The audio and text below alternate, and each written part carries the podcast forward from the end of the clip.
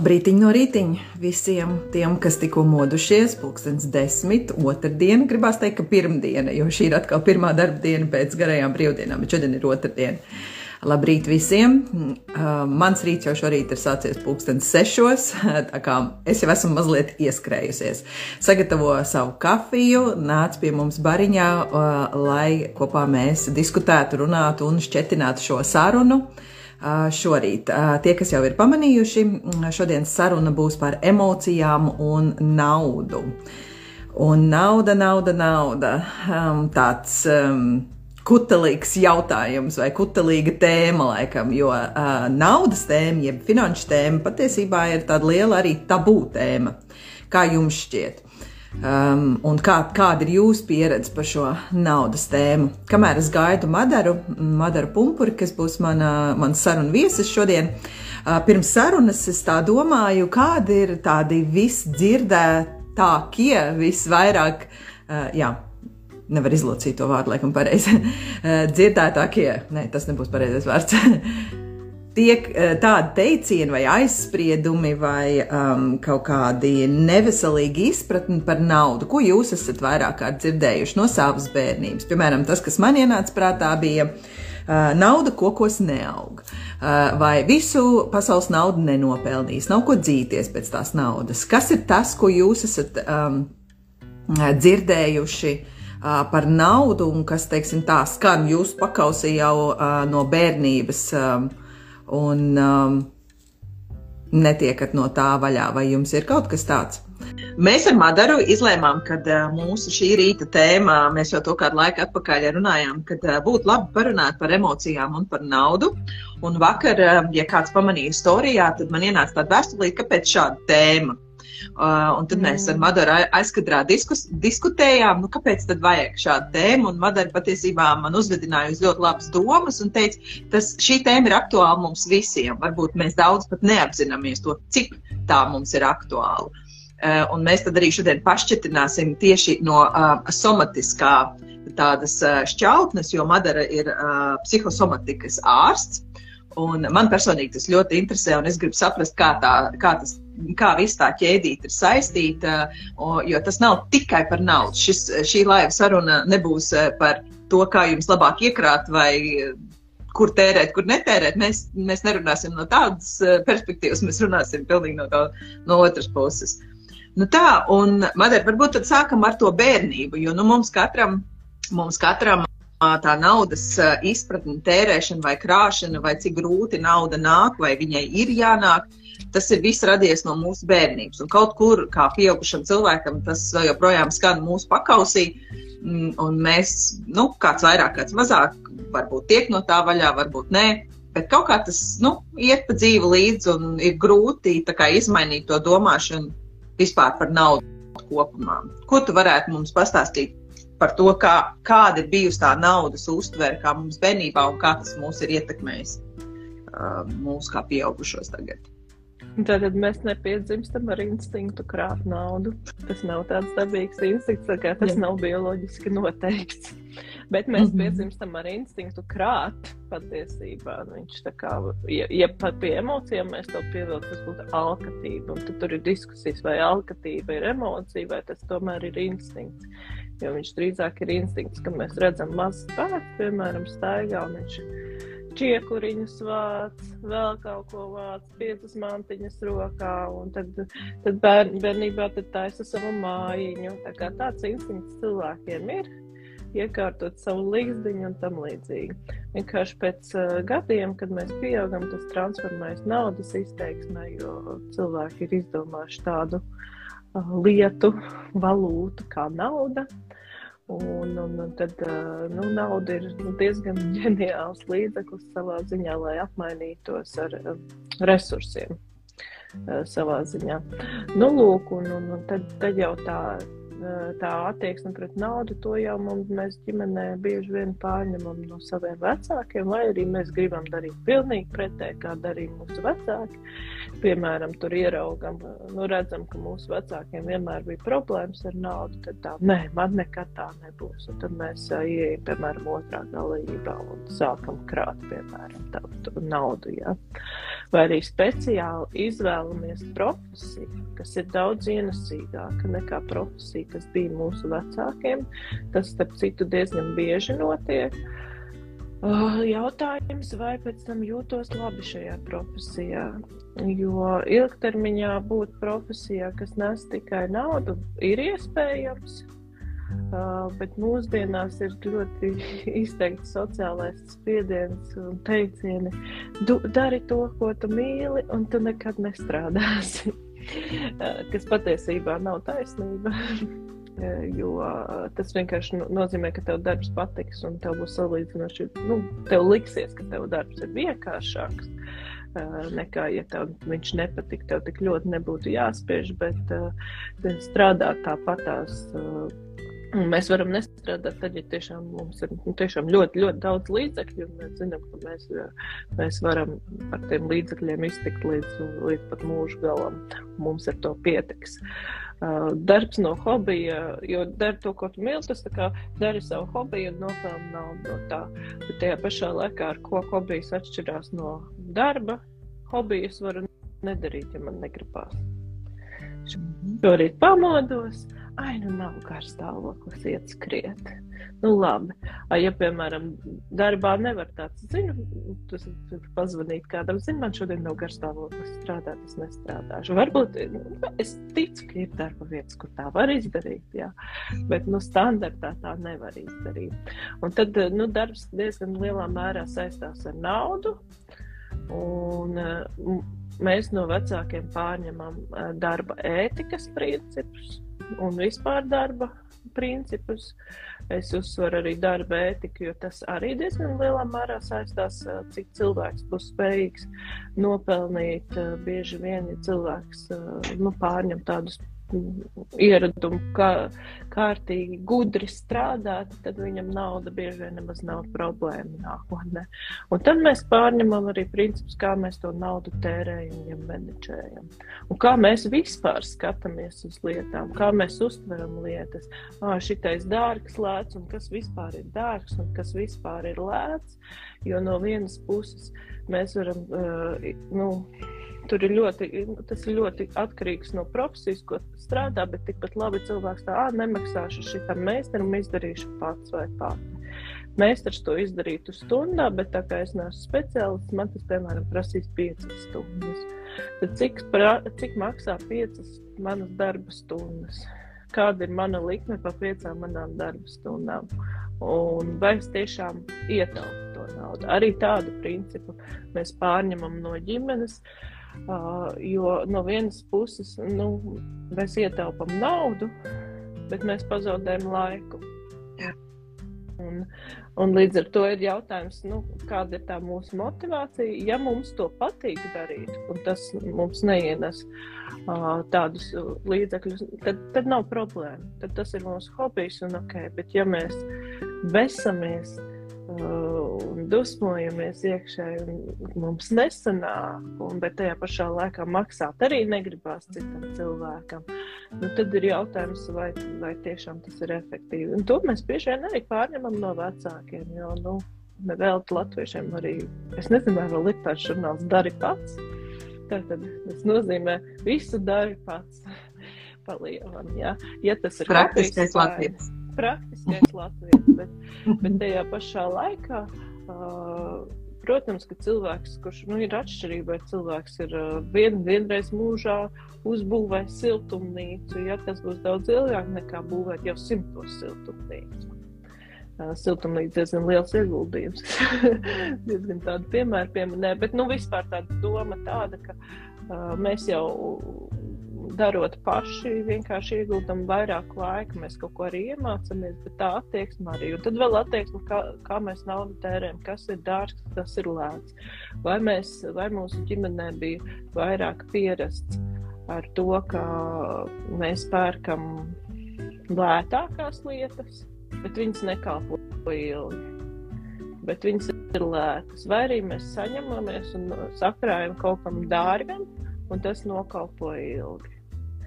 Tas, tas, to arī bieži vien mēs pārņemam no ģimenes tādu ieradumu. Varbūt ir kaut kas, ko es vēl neminēju. Tas šitie ir vienkārši tie, kurus es visbiežāk esmu pamanījusi, ko mēs no ģimenes pārņemam. Un arī tiem, kuriem ir ja vecākiem nav bijušas baigās problēmas ar naudu, bieži vien arī paši bērni izaugot, iemācās strādāt tā, ka viņi par naudu tā ļoti nesatraucās. Tā kā mm -hmm. nauda nāk, nauda iet, viņa vienu brīdi nebūs, tad viņa atkal būs. Nu, tas nav nekas daudz, ko satraukties. Ar citiem ir pilnīgi citādāk. Mm -hmm. To ļoti nosaka pagātnes pieredze. Jā. Un to, ko tu minēji, vai mēs nopērkam uh, to lētāko, bet tas ir tā, tāds aburtais lokus. No vienas puses uh, ir tik, cik ir tā nauda šobrīd, un mēs varam atļauties nu, kaut ko, kas ir vairāk lētāks nekā dārgāks. Mm -hmm. Bet arī pat laikā tas ir tādi īstermiņa vai ilgtermiņa domāšana. It kā, jā, lai es lai man tas kalpotu ilgāk un lai būtu tā ilgtermiņa domāšana, tad man ir šobrīd jāiegulda kaut kas, kas ir dārgāks. Bet uz šo brīdi ir, ir tā, tā kā dilēmiska sajūta. Jā, es to saprotu, bet es kā nevaru ar otru roku atļauties to, vai arī man ir ilgāk jākrāj. Un tad uh, vēl trešais varbūt aspekts ir, kad cilvēks saka, kāpēc man kaut kas ir jākrāj? Nav vairs tie laiki, kad man 30 gadus ir jākrāj veļas mašīnai, piemēram, nu, labi, 20 kaut vai, vai ne? Es varu to paņemt līzingā. Kāpēc man tik elementārām lietām būtu 5, 10 gadus jākrāj? Un tad atkal ir tā, nu, tas, laikam, tas instant gratification, nu, ka tūlīt un tagad gribu, dabūju, gribu, dabūju. Kā ir ar to lietu arī? Mūsu smadzenes visu laiku cīnās ar to, ar diviem svara kausiem īstermiņa bauda, kas iespējams ilgtermiņā sagādās ciešanas, vai ilgt, īstermiņa ciešanas, kas iespējams ilgtermiņā sagādās baudu. Biežāk cilvēki noslēdzās uz pirmo, ka viņi grib īstermiņā baudu, kas iespējams ilgtermiņā sagādās ciešanas, jo tas otrais variants šķiet pretdabisks. Bet tajā pašā laikā, cilvēki, ja cilvēkam izdodas pārvarēt to, ka īstermiņa bauda, kas ilgtermiņā sagādās ciešanas, tad cilvēks var nonākt Eh, diezgan labā dzīves situācijā ar nosacījumu, ka tas nekļūst par mazohismu, ka es visu laiku ciešos, ciešos, ciešos, piemēram, gadījumā naudas ziņā. Krāju visu mūžu naudu, krāju, krāju, nomirstu. Un esmu visu mūžu cietusies, neizbaudu līdz galam dzīvi, jo man taču vajag sakrāt. Pēc tam manu naudu manto mans radinieks, un tas radinieks vienkārši viegli viņu iztērē principā nekam, kā nu, tam līdzīgi. Jā. Un tad jautājums, vai tiešām es jūtos labi visu laiku krājot un nekad neveltot to naudu sev, eh, saviem priekiem un izklaidēm? Jo mēs citu naudu nenovērtējam tik augstu kā sevis pašu nopelnīto naudu Jā. patiesībā. Protams. Citu naudu tik viegli tērējās patiesībā. Jā. Kā ir ar šo, kad saka, nu, tā kā šis piemērs um, cilvēks nomirst, tagad radinieks uh, manto vai saņem kaut kādu naudu, un tā nav mana nauda, tā ir kāda cita cilvēka sakrātā nauda. Un principā es neesmu pielicis nevienu pūli, lai, nu, pelnot šo naudu. Un tad šis teiciens, kas viegli nāk, tas viegli iet, nu, cik viegli atnāca, tik viegli aizgāja. Um, vai tas atkal nenozīmē, nu, ka tai naudai tiek piešķirta tāda Mm, pat nezinu, kādu vārdu izmantot. Um, nu, kad, lai nopelnītu naudu, lai tev tā nauda būtu, ir grūti, smagi jāstrādā. Nauda nenāk viegli. Tas atkal es nedod to pretējo. Negribētu pieturēties pie tā mindseta, ka ir grūti, smagi jāstrādā. Tāpēc, ka tad mēs uzreiz sev ievilkam pārliecībā, ka bez smaga darba naudas nebūs. Un tā pārliecība var mūs novest pie nu, tiešām arī veselības problēmām, jo mēs neveltam vairs laiku ne savam ķermenim, ne savai labsajūtai, nekam. Mēs smagi strādājam. Patiesībā labāk ir strādāt gudri nekā smagi. Jā. Jo tikpat Jā. labi es varu ņemt ar lāpstu, rakt grāvi, izrakt ar divu divu metru platu, divu garu, cik man tas dienas paprasīs. Nu, prie, nu, es tā kā neesmu pie, uh, pieredzējusi racēju, tad man tas paprasīs vairāk laika. Ja? Uh, tajā pašā laikā es varu noīrēt uh, traktoru, un to es izdarīšu daudz ātrākā laikā. Mhm. Rezultāts jau ir tas pats. Protams, traktors arī prasīs finansiālu ieguldījumu. Bet, ja, piemēram, man maksā par izdarīto darbu, tad tiešām ir jāaprēķina, vai tiešām man ir izdevīgi rakt pašai ar savām rokām, ja ir pieejamas tehnoloģijas, kas man palīdz to izdarīt ātrāk.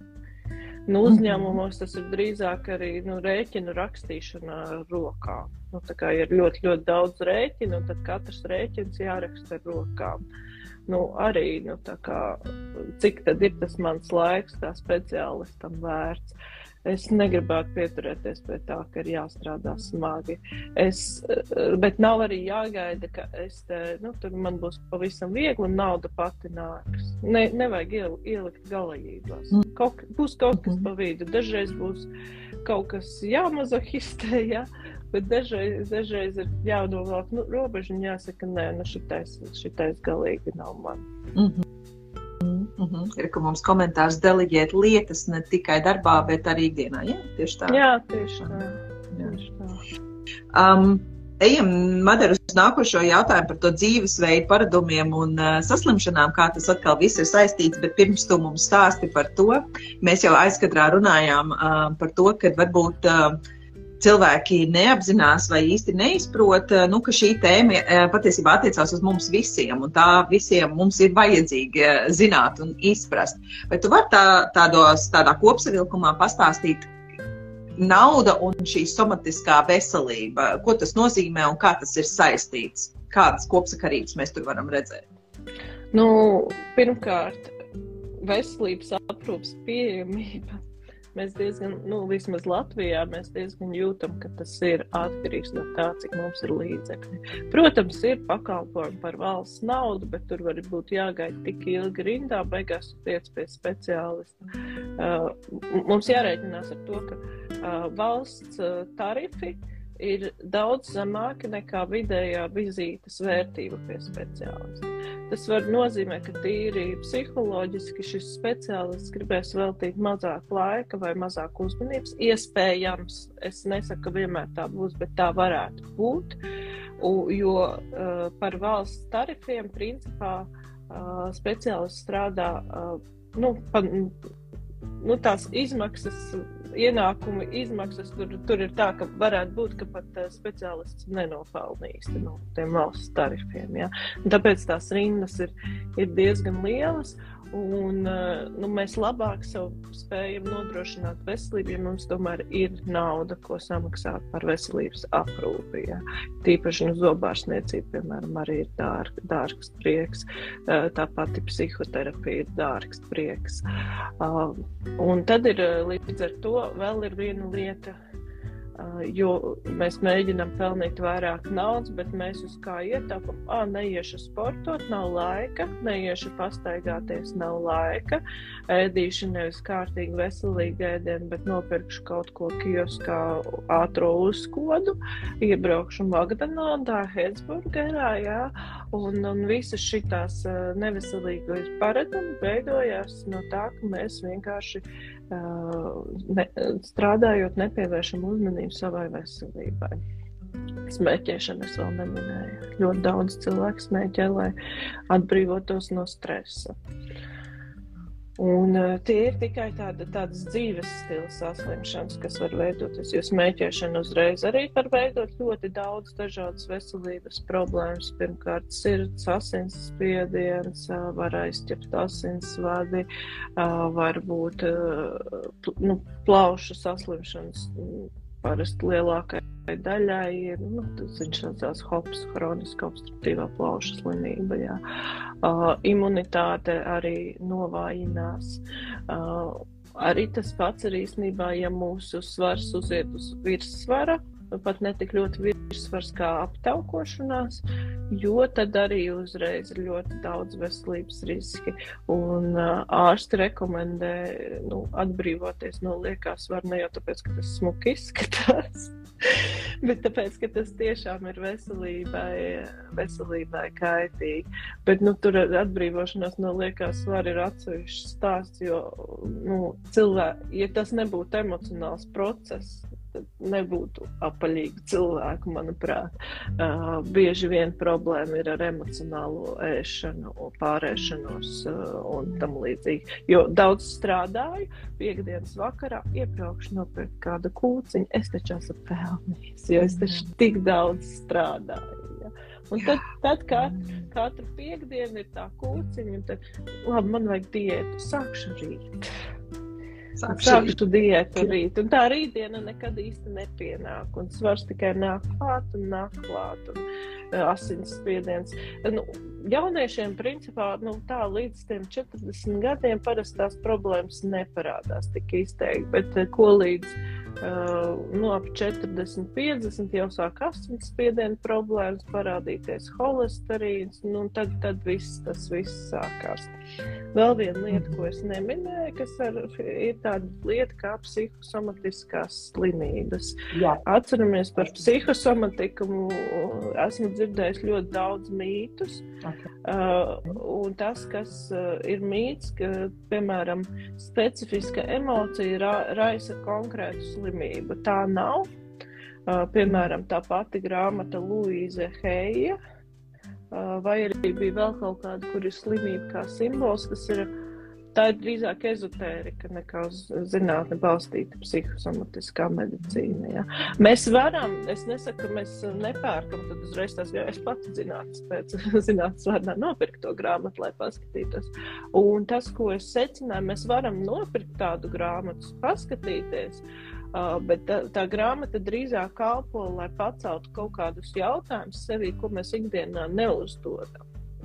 Uh, kaut, kādus neapzinātos procesus sākt apzināties, bet tas, ka konkrēta emocija uh, simbolizē konkrētu slimību, parasti Parasti tā nav, jo katram cilvēkam var būt ļoti, ļoti dažādi.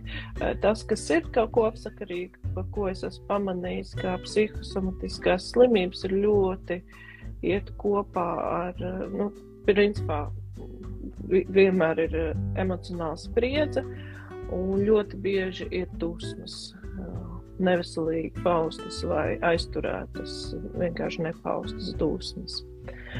Un nevar konkrēti pateikt, kura slimība raisīs kurus simptomus, jo katram cilvēkam ir sava ģenētika un vājās vietas organismā. Tā kā būs vienam, kuram no, jo principā psihosomatiskās slimības viņš, viņas sāk izpausties, tātad sākumā ir psihosomatisks simptoms, piemēram, galvas sāpe. Ja tā galvas sāpe kļūst bieži, tad tā kļūst par slimību. Un tad, nu, tā kā psihosomatiskā slimība, psihosomatiskais traucējums. Un eh, nevar pateikt, vienam no hroniska stresa, kas varbūt darba dēļ sāks sāpēt galva un migrēnas, citam eh, būs vēdera problēmas, un tas pats kairināto zarnu sindroms. Jā. Tā kā par to galvenais atcerēties, nu, ka nav tā, ka uh, tas uh, simbolizē konkrētas, uh, nu, konkrēta emocija, konkrēta slimība, drīzāk fokusēties, kuras emocijas es esmu paužu neatbilstoši tā funkcijai. Ir tāda vēl lieta kā stresa teorija, kas, nu, tā, tā, darbs, piemēram, mums var raisīt cīņas un bēgšanas reakciju, kas ir stresa reakcija. Un uh, ir uh, stresa teorija, ka principā nu, viena no teorijām ir tā, ka tad, tad stresā. Um, redz maziem bērniem, kad ir tās pašas kolikas, uh, nevar saprast, vai viņš raud tāpēc, ka viņam sāp, vai viņš raud tāpēc, ka viņam, viņš emocijas neprot izpaust, vai arī viņš emocijas izpauž caur ķermeni, jo viņš nemāk izpaust vārdos. Un tad viena no tām teorijām ir, ka no, ar laiku mēs pieaugot iemācāmies emocijas paust caur vārdiem, un tad notiek atkal stresā notiek desomatizācija. Tātad uh, mēs vairs nespējam paust emocijas caur vārdiem, mēs sākam paust caur ķermeni. Tā, tā rodas tās psihosomatiskie traucējumi. Un vēl ko es gribēju pieminēt uh, par šo visu, ir tas, ka ir tāds autors Aleksandrs, kurš uh, pēc ilgstošas nu, 1600 pacientu novērošanas identificēja septiņas psihosomatiskās slimības, kurām atbilst noteikti iekšējie psihiskie konflikti. Tātad tas ir pētīts un tas ir arī zinātniski pierādīts. Tas, jo ne visām slimībām viņas simbolizē kaut kādu emoci ne, emocionālu lietu, kas ir galvā. Dažreiz trauma ir trauma un nekas vairāk, un nav tur ko meklēt. Vai dabūju infekciju, dabūju, bet ja sāku bieži slimot, tad kāpēc man imunitāte ir hroniski novājināta? Varbūt man ir hronisks stress, jo stress vājina imunitāte. Un tās septiņas slimības, kuras identificē, kurām ir tie raksturīgi iekšējie psihiskie konflikti, ir kuģa čūla, reimatīdais artrīts, čūlainais kolīts, bronhiālā astma. Mazliet, mazliet lēnāk, mazliet lēnāk, kuģa čūla. Bet, es varu atsūtīt, es to sarakstīju. Jā, vienkārši, lai mēs, lai var uztvert, tik ātri nelasīju, mazliet, mazliet lēnāk, savu kuģa čūlu, kas bija tālāk. Reimatīdais artrīts, Uh -huh. čūlainais kolīts, Okay. bronhiālā astma, Wow. neirodermatīts, Aha. hipertensija, Jā. Tas ir augsts asinsspiediens, jā? jā, augsts asinsspiediens un hipertireotisms. Tā kā vairogas Kas tas ir? Vairogas dziedzera funkcijas paaugstināšanās. Wow. Okay. Jā, stress ietekmē hormonālo sistēmu diezgan lielā mērā. Protams, ir vēl citas slimības, kas ir daudz pētītas. Um, man viena pasniedzēja, docente Velga Sudraba, uh, SU pasniedzēja, ir apkopojusi par psihosomatisko medicīnu to grāmatā, psihosomatiskā medicīna tā arī saucās, kur viņi ir apkopojusi vairākus pētījumus, kas ir iemesli, tur ir galvas nu, tur viss kaut kas ir. Uh, tā grāmata varbūt varētu būt sarežģīta cilvēkam, kas nav ārsts, bet, manuprāt, nu, ļoti vērtīgi, ka ir, ir apkopots Mhm. šitais viss. Uh, bet nu, mēs tagad nerunāsim par tām slimībām, tik ļoti vairāk par to faktu, ka uh, mūsu dzīvesveids var ietekmēt un ietekmē mūsu saslimšanas, un savā ziņā mēs apzināti vai neapzināti izvēlamies, ar ko mēs slimosim, ja nav runa par ģenētiku. Jo ģenētiku ietekmēt mēs nevaram. Uh, mēs varam uh, uztaisīt ģenētisko testu, tagad populāri taisīt tos ģenētiskos testus, no kurienes, no kurienes es esmu, no, kā, no kura reģiona, kā, kāda ir, no kurienes mana gēna. Vai tiem testiem var piepilkt ka- klāt nu, kā veselības riskus. Ļoti Mm. daudziem cilvēkiem esmu dzirdējis, ka viņiem tieši ir bail, bail no tā, tā iemesla dēļ, ka negrib zināt tos savus riskus, jo sāks satraukties. Es drīzāk skatos uz to, tad labāk, lai es zinu savus riskus, lai zinu, ko, ko darīt, kādu dzīves stilu piekopt, lai šos riskus mazinātu. Jo, es, ja es nezinu, tad es dzīvoju un vienkārši tas man atnāk, un es to sagaidu. Nu, es to negaidu. Tā kā arī to ir iespējams uh, savus ģenētiskos riskus noteikt, kas ir interesanti. Piemēram, cilvēkam, ja ir grūti nomest svaru, uh, viņi man liekas, tur arī uztais to gēnu. Nu, cik viegli vai grūti nu, svars krītās cilvēkam, jo tas arī izrādās ir nu, tā ģenētika. Un tad var arī saprast, ka man patiesībā viegli krīt. Tātad mans liekais svars varbūt ir mans dzīves stils. Nu, vai arī eh, tas var arī dažreiz atvieglot tieši trausmu kādam radiniekam, kad bijis kāda konkrēta slimība. Un izrādās, ka man tāpat kā vidēji populācija, man nav paaugstināts risks. Jo bieži vien cilvēki arī. Nu, Nezinot to ģenētiku, ah, nu tas man no mammas, no tēta un tam līdzīgi. Bet mēs ne, ne aizmirstam to, ka mēs pārmantojam ne tikai gēnus, bet arī ieradumus. Un varbūt mammai un tētim tas gēns ir tāpat, tāds pats risks kā vidējai populācijai. Viņi vienkārši ar saviem ieradumiem ir tā slimība veidojusies, mēs esam pārmantojuši tos pašus ieradumus, un tīpaši ēšanas ieradumus, tos ir tik grūti mainīt.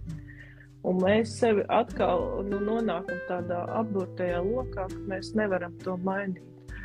Uh, mums šķiet, ka mēs nevaram to mainīt, lai gan patiesībā mēs kaut ko varam darīt lietas labā. Mm.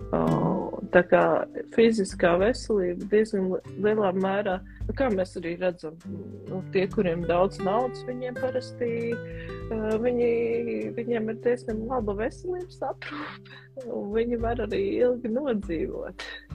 Eh, kvalitatīvi. Man jau nav svarīgi tas, ka ilgums, eh, man šķiet, ka drīzāk ir svarīgi nevis dzīves ilgums, bet uh, kvalitatīvi nodzīvotie dzīves gadi, kas, starp citu, vienos datos skatījos, neatceros, cik seni tie dati bija Latvijā, bija viszemākais Eiropā. Diemžēl.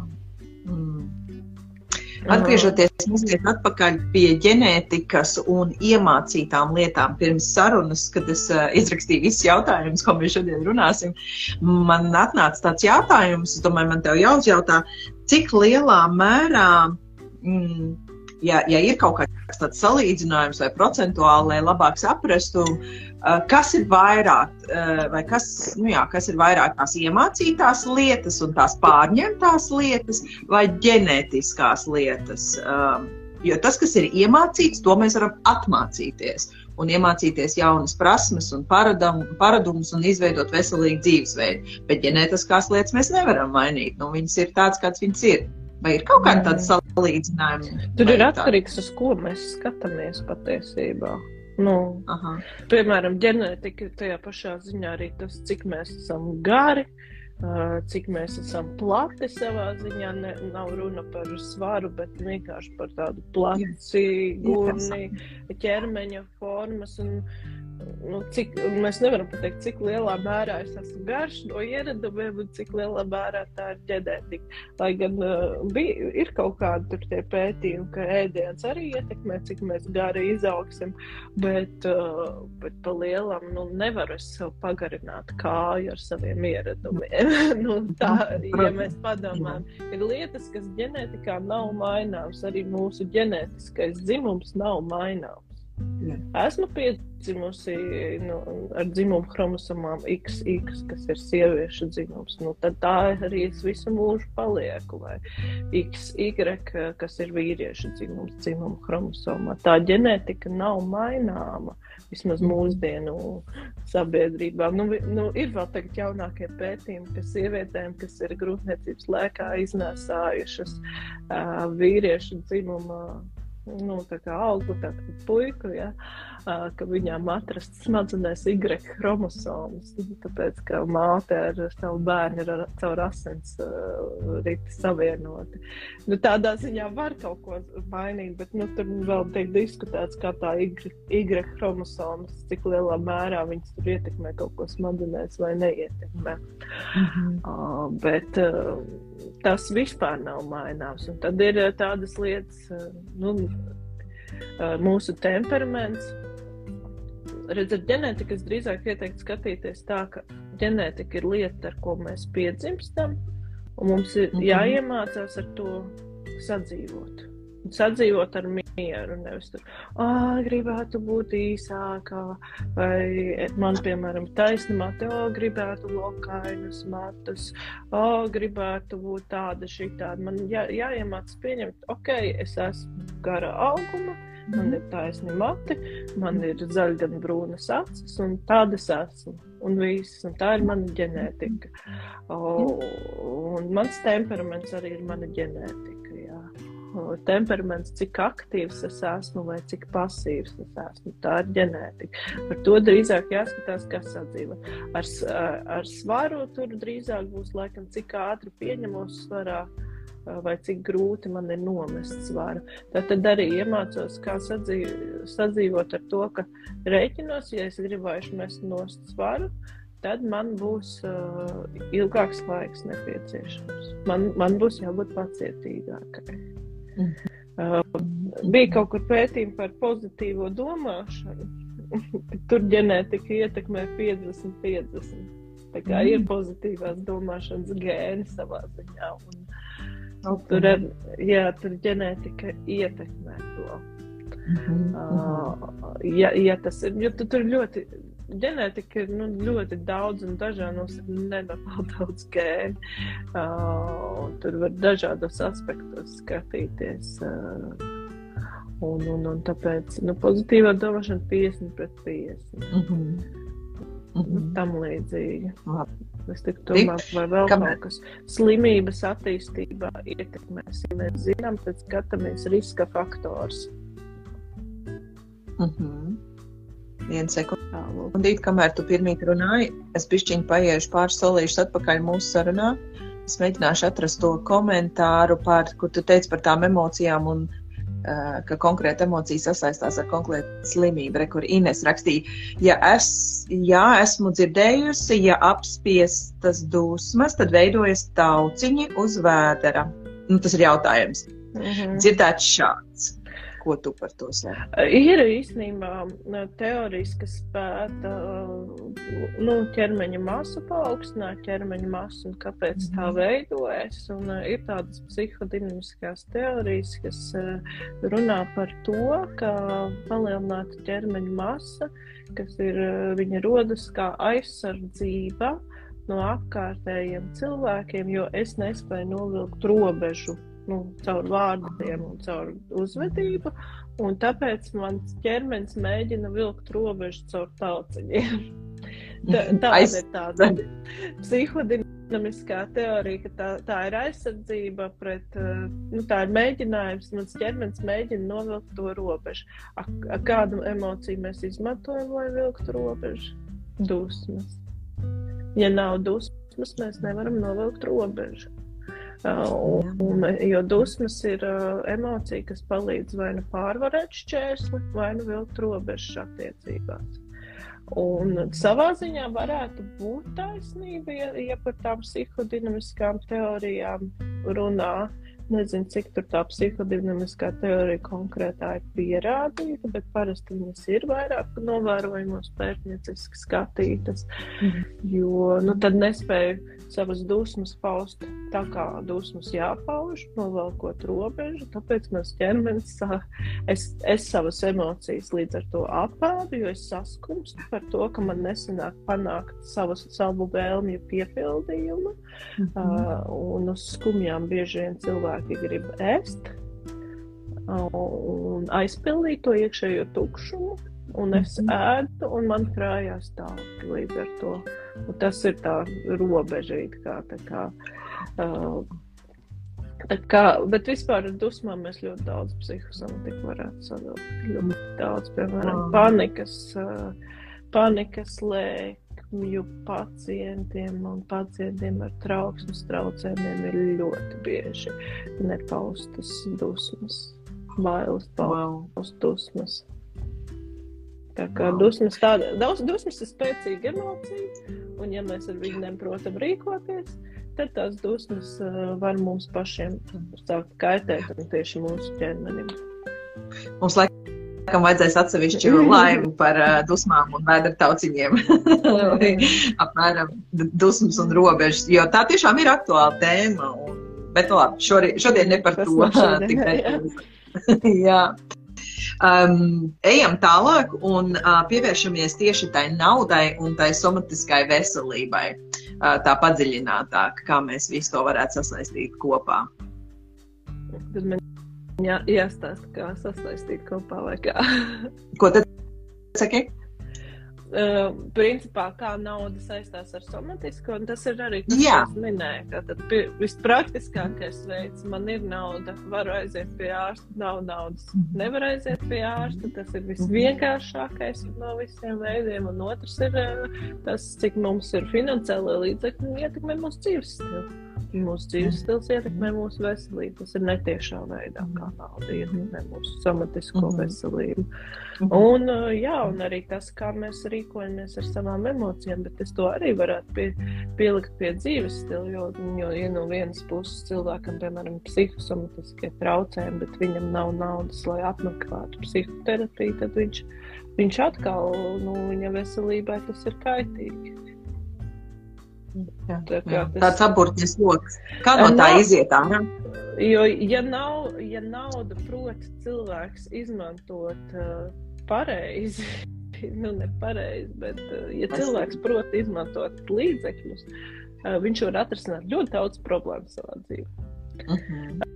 Uh, problēma ir tad, kad cilvēki naudu izmanto lietās, kas viņiem patiesībā nav vajadzīgas. Bieži vien tās ir dārgas mašīnas, uh, viss kaut kas līzingā, varbūt pat nevienmēr ceļojumus vajag tik daudz un tik ekskluzīvus, vai kādus citus narcistiskos apliecinājumus, kā brenda drēbes, ja nestrādā tādu darbu, kur tas ir tiešām izteikti svarīgi. Tad cilvēks ar naudu, nu, tā kā tad viņam nu, liela jēga no tās naudas, kas ir vairāk vairāk nav, jo tad beigu beigās es nopelnu vairāk.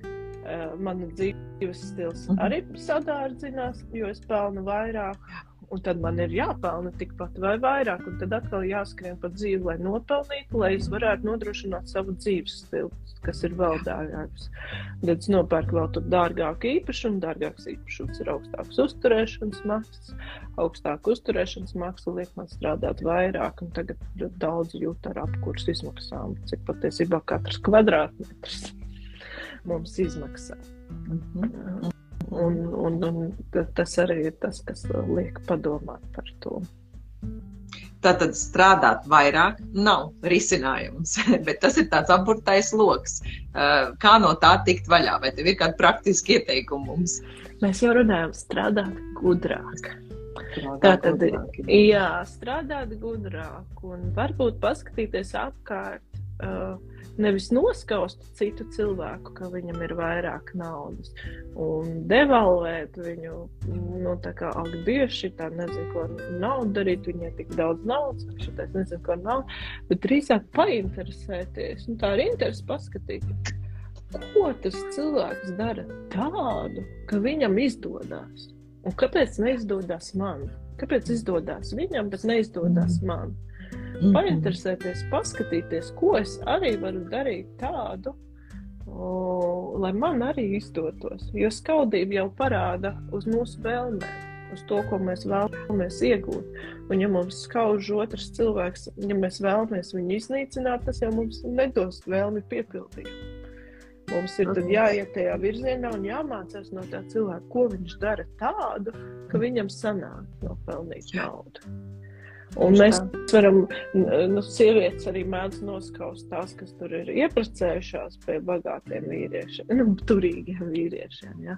Bet, tad, bet viņi dara kaut ko tādu, ko tad es nemāku. Ja es neesmu ieprecējusies, tad man ir jāiemācās, ja es arī gribu ieprecēties turīgā ģimenē un dzīvot vieglāku dzīvi savā ziņā. Uh, drīzāk ar interesi skatīties uz uh, tiem cilvēkiem, kuriem ir nauda, uh, ir ļoti daudz visādi nu, cilvēki jau arī māca, kā koči tā pārsvarā ar tām naudām, man liekas, ņemās vislabāk. Finansisti varbūt vairāk vai mazāk, jo ir jau daudz zināšanas pieejams. Mums vienkārši ir jāatru, jā, jāizvirza tas kā prioritāte, ka es šobrīd kā prioritāte dzīvo, dzīvē izvirzu to, ka es mācīšos, kā strādāt gudrāk, un es mācīšos no cilvēkiem, kas māca strādāt gudrāk. Protams, tādas uh, milzīgas pārmaiņas, kā piemēram profesijas maiņa, būs sarežģīta. To uzreiz jau nu, var, var saprast. Jo, Jā, jārēķinās ar to, jo, piemēram, cilvēks 36 gados izdomā, ka viņam viņa darbs nepatīk, un viņš grib mainīt uz radikāli citu profesiju. Jāiet varbūt atkal augstskolā, uh, atkal ja, un arī jārēķinās, ka jākāpjas uz zemāku algu. Un vai es gribu kāpties, jo sākumā bieži vien tā arī ir. Nebūs tā, ka es uh, citā profesijā varu, nu, tur atkarīgs no profesijas grupas patiesībā, jo katrai profesijai ir, ir tas savs noteiktais vidējais atalgojums. Un, un, un, bet, nu, jāmācās atkal, jā, jo mēs nevaram iegūt profesiju vienkārši sēžot uh, mājās un skatoties televizoru. Jā. Mhm. Mums ir jāuzņemās riski un tam līdzīgi. Un tas ir grūts ceļš patiesībā, kas ir ejams. Mhm. Gribu atgādināt, ja nepatīk savu profesiju, pirms simts gadiem cilvēki nevarēja nemaz īsti tā brīvi izvēlēties, ko viņi grib nodarboties. Mhm. Cilvēki vienkārši pārņēma savas ģimenes profesijas. Tad, kad sākās industriālā revolūcija, tad, tad cilvēki varēja sākt izvēlēties, ko viņi grib, jo varēja sākt ražot speciālistus. Nu, tā, tik, tik, tik, tik industriālākā veidā. Uh, strādāt gudrāk un pajautāt jautājumus, kas ir tas, ko dara viņš vai viņa, un Jā. kas, ko es nemāku. Jā, man nav tāds prasības. Ko, kas man ir jāiemācās? Jā, jā. Uh, jo dažreiz mums pat var likties, ka mēs, ne, mums nepatīk mūsu profesija, bet patiesībā mums patīk mūsu profesija, mēs vienkārši strādājam pa daudz. Mm, mm -hmm. Jā, un šis ir tas abortais lokus. Mm -hmm. Tur, tur ir ļoti daudz tā, bet ir jāmeklē iespējas, ja mēs gribam, lai tas mainītos. Ja mēs uh, ja, būsim pasīvā pozīcijā uh, un neko nedarīsim, tad mēs, uh, nu, mums Nekas nepalīdzēs. Jā. Protams, bet, protams. Madara, man te ir viens lūgums. Es atkal esmu aizmirsis pulksteni, un es nezinu, cik mēs ilgu laiku esam norunājuši šobrīd, cik mums ir palicis līdz nu, sarunas beigām. Man rāda, ka tagad ir 10.47. Ah, ah 47. Ok, nu tad plus mm -hmm. mīnus 10 minūtes mm -hmm. apmēram vēl. Ja? Um, mums ir arī divi iesūtītie jautājumi. Es varbūt tev nolasīšu abus divus uh, tieši par to naudu un par to bērnību, un mēs varam, tu varētu pakomentēt par to lūdzu. Tātad, vai naudas tērēšanas paradumus, um, iema, paradumus iemācās dzīvē, vai tie ir iedzimti? Uh, jo ir taupīgie, izšķērdīgie un tādi, kas vienkārši neskaita naudu. Tas viens jautājums. Un otrais ir, kādu um, un arī cik lielu iespēju bērnībā sacītais nav nauda atstāja pieaugušā vecumā. Un vai šis teiciens nav nauda, nav nauda, to nē, to nē, šito nepirksim, vai tas tiešām ir tas pareizākā, tā pareizākā frāze, ko arī teikt mūsu bērniem, vai tas ir vairāk prioritāšu izvērtēšana? Mm -hmm. Tad, tad, Kam ar pirmo? Jā, to? taupīgie, izšķērtīgie un tādi, kas naudu neskaita.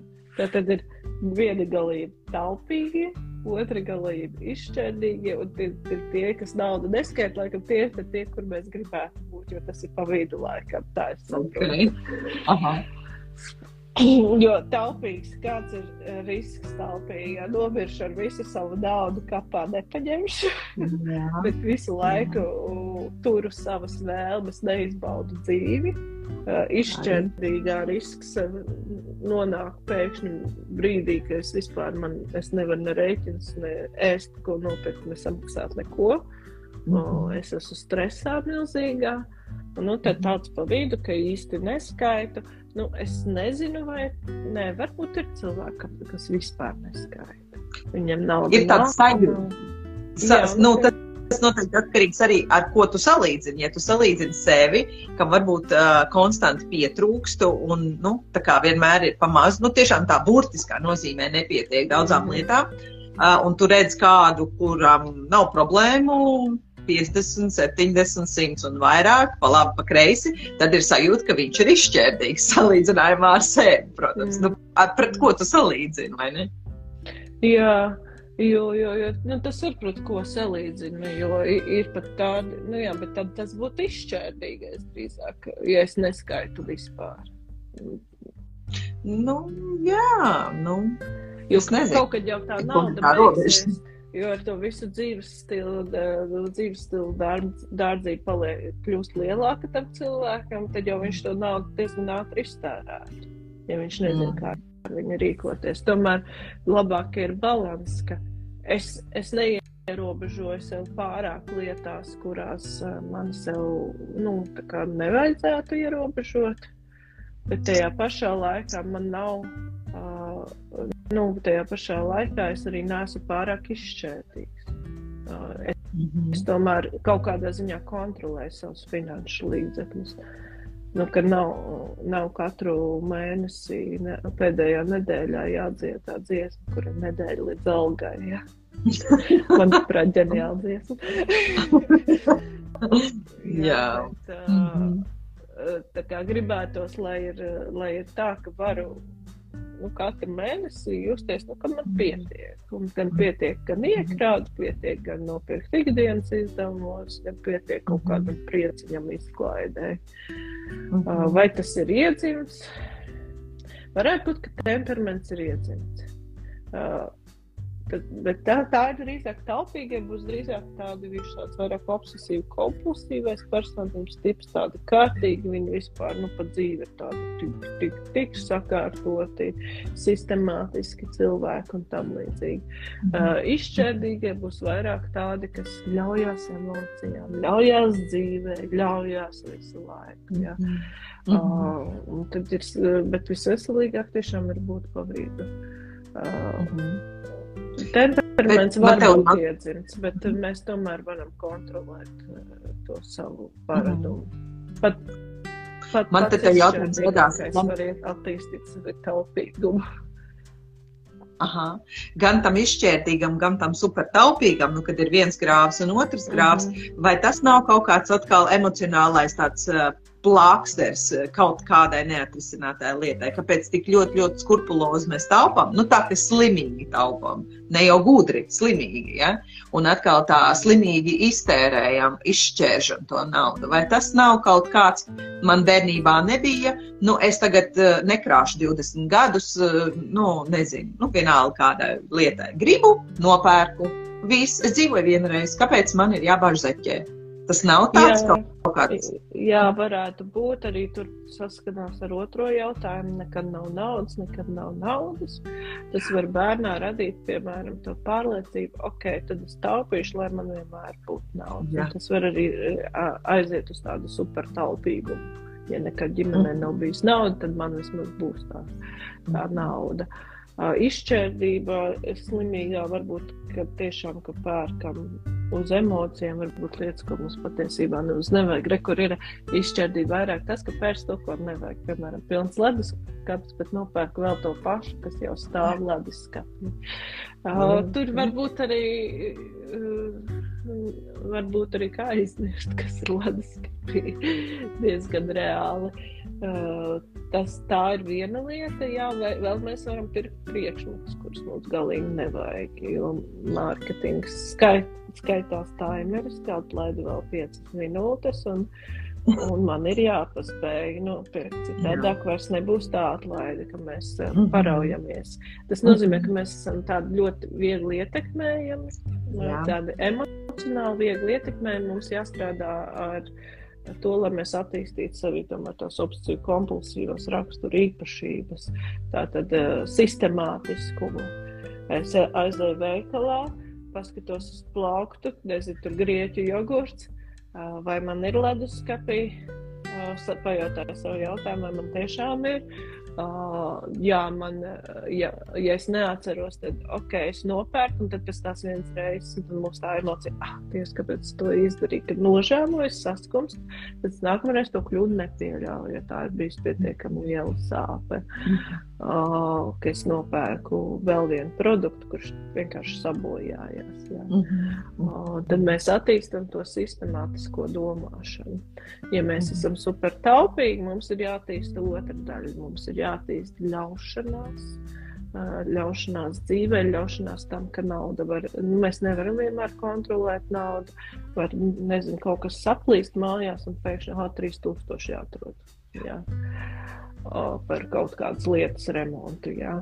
Un tad ir jārēķinās ar to, ka, nav, ka nauda ir vairāk plūsma nekā, nekā statiska lieta. Tas ir labs. Un tā arī, starp citu, diezgan daudz turīgie cilvēki saka, ka, ja mēs gribam būt turīgi, tad mums nauda visu laiku jāliek apgrozībā. Jā, jā tieši tā. Jo, ja mēs turam, nu, turam tikai iekrājumos, tad tikko bija, cik, cik mums bija inflācija? Cik procentus no iekrājumiem vienkārši apēda inflācija? Jā, jā. Jā, jā. Tā kā nu, padomāt arī gudrā veidā, jo nu, tas, tas nauda ir drīzāk mainīgs faktors nekā konstanta lieta. Mm. Kas mums bija tas otrais jautājums par to, ka vienmēr nav naudas? Jā, ka bērnībā tas ir tas, ko tu esi dzirdējis. Tas var īstenībā arī ne tikai taupīgumu, bet arī mazvērtības sajūtu. Un mhm. cilvēks, eh, nu, ja vecāki visu laiku saka, nav naudas, nav naudas, un viņi saka, nevis faktiski nav naudas, bet arī tāpēc negribu pirkt, pasaku, nav naudas. Nevis negribu tev pirkt, bērnam ir pasakot, nav naudas. Un bērns ar laiku iemācās, ka viņa vēlmes vecākam nav svarīgas. Mm -hmm. uh, un ka varbūt viņš arī pats nav svarīgs kā cilvēks. Mm -hmm. Ja jau vecāki negrib savus līdzekļus ieguldīt viņā. Jā. Un viņš jau arī nu, tā arī iemācās to taupīšanu, jo ir daudz vieglāk iet veikalā kaut ko nedopirkt, jo pasaka, nav naudas.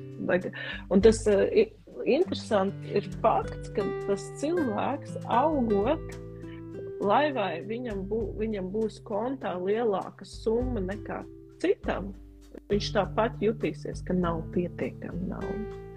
Un viņš dzīsies pelnīt vairāk un vairāk, un to stop ir ļoti grūti pateikt. Kad tad būs mans stop? Jo viņš vienmēr nav naudas, un cilvēks taču ir dabiski jau pieradis. Uh, nu, netērēt kaut ko savam prieciņam, jo taču nav naudas. Tieši tā. Tas var radīt arī dusmas uz saviem vecākiem, bet arī mazvērtības izjūta, ka nav naudas. Drīzāk tiešām varbūt ir vērtīgāk, nu, tas ir atkarīgs no bērna vecuma, bet būt atklātam par to, cik ir naudas, un nedot to tādu negatīvu pieskaņu, ka mēs esam nabagu ģimene, mēs neko nevaram atļauties un tam līdzīgi. Uh -huh. Jo tajā pašā laikā cilvēks nepamanā, ka viņš dzīvo privāti mājā. Abi vecāki brauc ar mašīnām, katram savā bet mēs esam nabaga ģimene. Nu, tas neiet tā kopā. Ja? Un, un, un drīzāk, lai būtu vairāk kontakts ar realitāti, šobrīd ir tik līdzekļi, cik viņi ir. Mums ir jāsadala pa prioritātēm. Un tad mācīt bērnam kopā ar tām finansēm darboties. Jo citādi mēs pasakām savam bērnam, nav naudas, nav naudas. Pirmkārt, mēs radām iespēju, ka bērnam vispār nav kontrola pār situāciju. Un es runāju par tādu Jo pusaudzis jau saprot par naudu, piemēram, un mēs pusaudzim joprojām sakam, nav naudas, nav naudas. Nu, viņš nav dumšs. Viņš saprot, ka nav runa par nav naudas, ir runa par to, ka es negribu tev tērēt naudu šitai lietai. Un, un, ok, mēs pasakām, nav, nu šobrīd nav līdzekļu tieši šai lietai, bet tad iedodam iespēju, kur tad viņš var nopelnīt. Nevis visu, visu laiku sakam, ka nav vienkārši nav. Jā. Tieši tā, iespēja nopelnīt. Super. Un tas arī māca uzreiz tādu atbildības sajūtu tam pusaudzim, kad viņam, mm. viņam ir kontrole par to situāciju, viņam ir iespēja, un viņš izprot uh, nu, vispār to to loģiku un to, to procesu, ka, ka, kas ir jādara, lai vispār, ir, lai vispār es varu nopelnīt. Ko tas no manis prasa? Man, man kā bērnam, protams, prasītos, nu, tā kā man vecāki man visu laiku saka, nav naudas, nav naudas, man prasītos, nu, tad parādi, cik tev kontā ir. Paskatīsimies. Nu, parādi, cik tev makā ir. Nu, pastīsimies, cik nav naudas. Tad tu man parādi yeah. visus izrakstus ar rēķiniem. Jā, jā, jā. Kas tev ikdienā jāmaksā? Es, nu, es tev, visu, ja tu neskaiti pats, pats, jā, ka tev nav naudas, tad es izskatīšu tavā vietā. Jā. Uh, tad, tas man, man prasītos, jo sākumā bērns kā, to pieņem, pēc tam bērns pārstās ticēt. Jo, ja vecāks pasakā, ka man nav naudas, bet tajā pašā laikā aiziet un nopērk drēbes par 200 eiro sev, tad, mm, tad, runa, tad bērnam šķitīs, ka runa nav par naudu, runa ir to, ka es tev esmu svarīgs. Loģiski, loģiski. Prioritātes atkal. Mēs atgriežamies Jā, tur. Un tad, lai vecāks arī tad godīgi saka, man nav šobrīd prioritāte tevi tur palaist nometnē, kas ir uh, ārpus Latvijas. Mm -hmm. Bet, lai tā arī pasaka, tā nav mana prioritāte. Vai arī, lai iedod iespēju, tu varbūt paprasti, varbūt vecāki tev var palīdzēt. Vai arī izdarām vēl, vēl ir viena lieta, piemēram, nezinu, jātaisa operāciju vairāki tūkstoši, 500 es, 500 otrs vecāks, 500 uh, vecmāmiņa, varbūt, ja viņai ir, nu, tad tā sakrājam kopā, bet Jā. lai iedod vismaz iespēju. Jā, tieši tā, tieši tā, super. Tas ir labs tā. ieteikums, paldies. O, tieši ir 11, tagad arī ir. Ir 11, 0, 0, jā. jā. 0. mēs tik daudz nianses esam izrunājuši šajā sarunā. Es domāju, mums ir arī jābeidz, lai mums neizmet no Instagram. Citādāk mums šī saruna vienkārši uh, aprausies tās beigas. Paldies tev, Madara, par tavu laiku un zināšanām, kā vienmēr. Uh, šī jau mūsu laikam trešā sadarbība, ja es pareizi atceros. Jā, jā, trešā, jā, vai ne? Paldies tev liels. Uh, jā, paldies. Visu, un tad sniedz šodien. Lai veiksmīgi diena.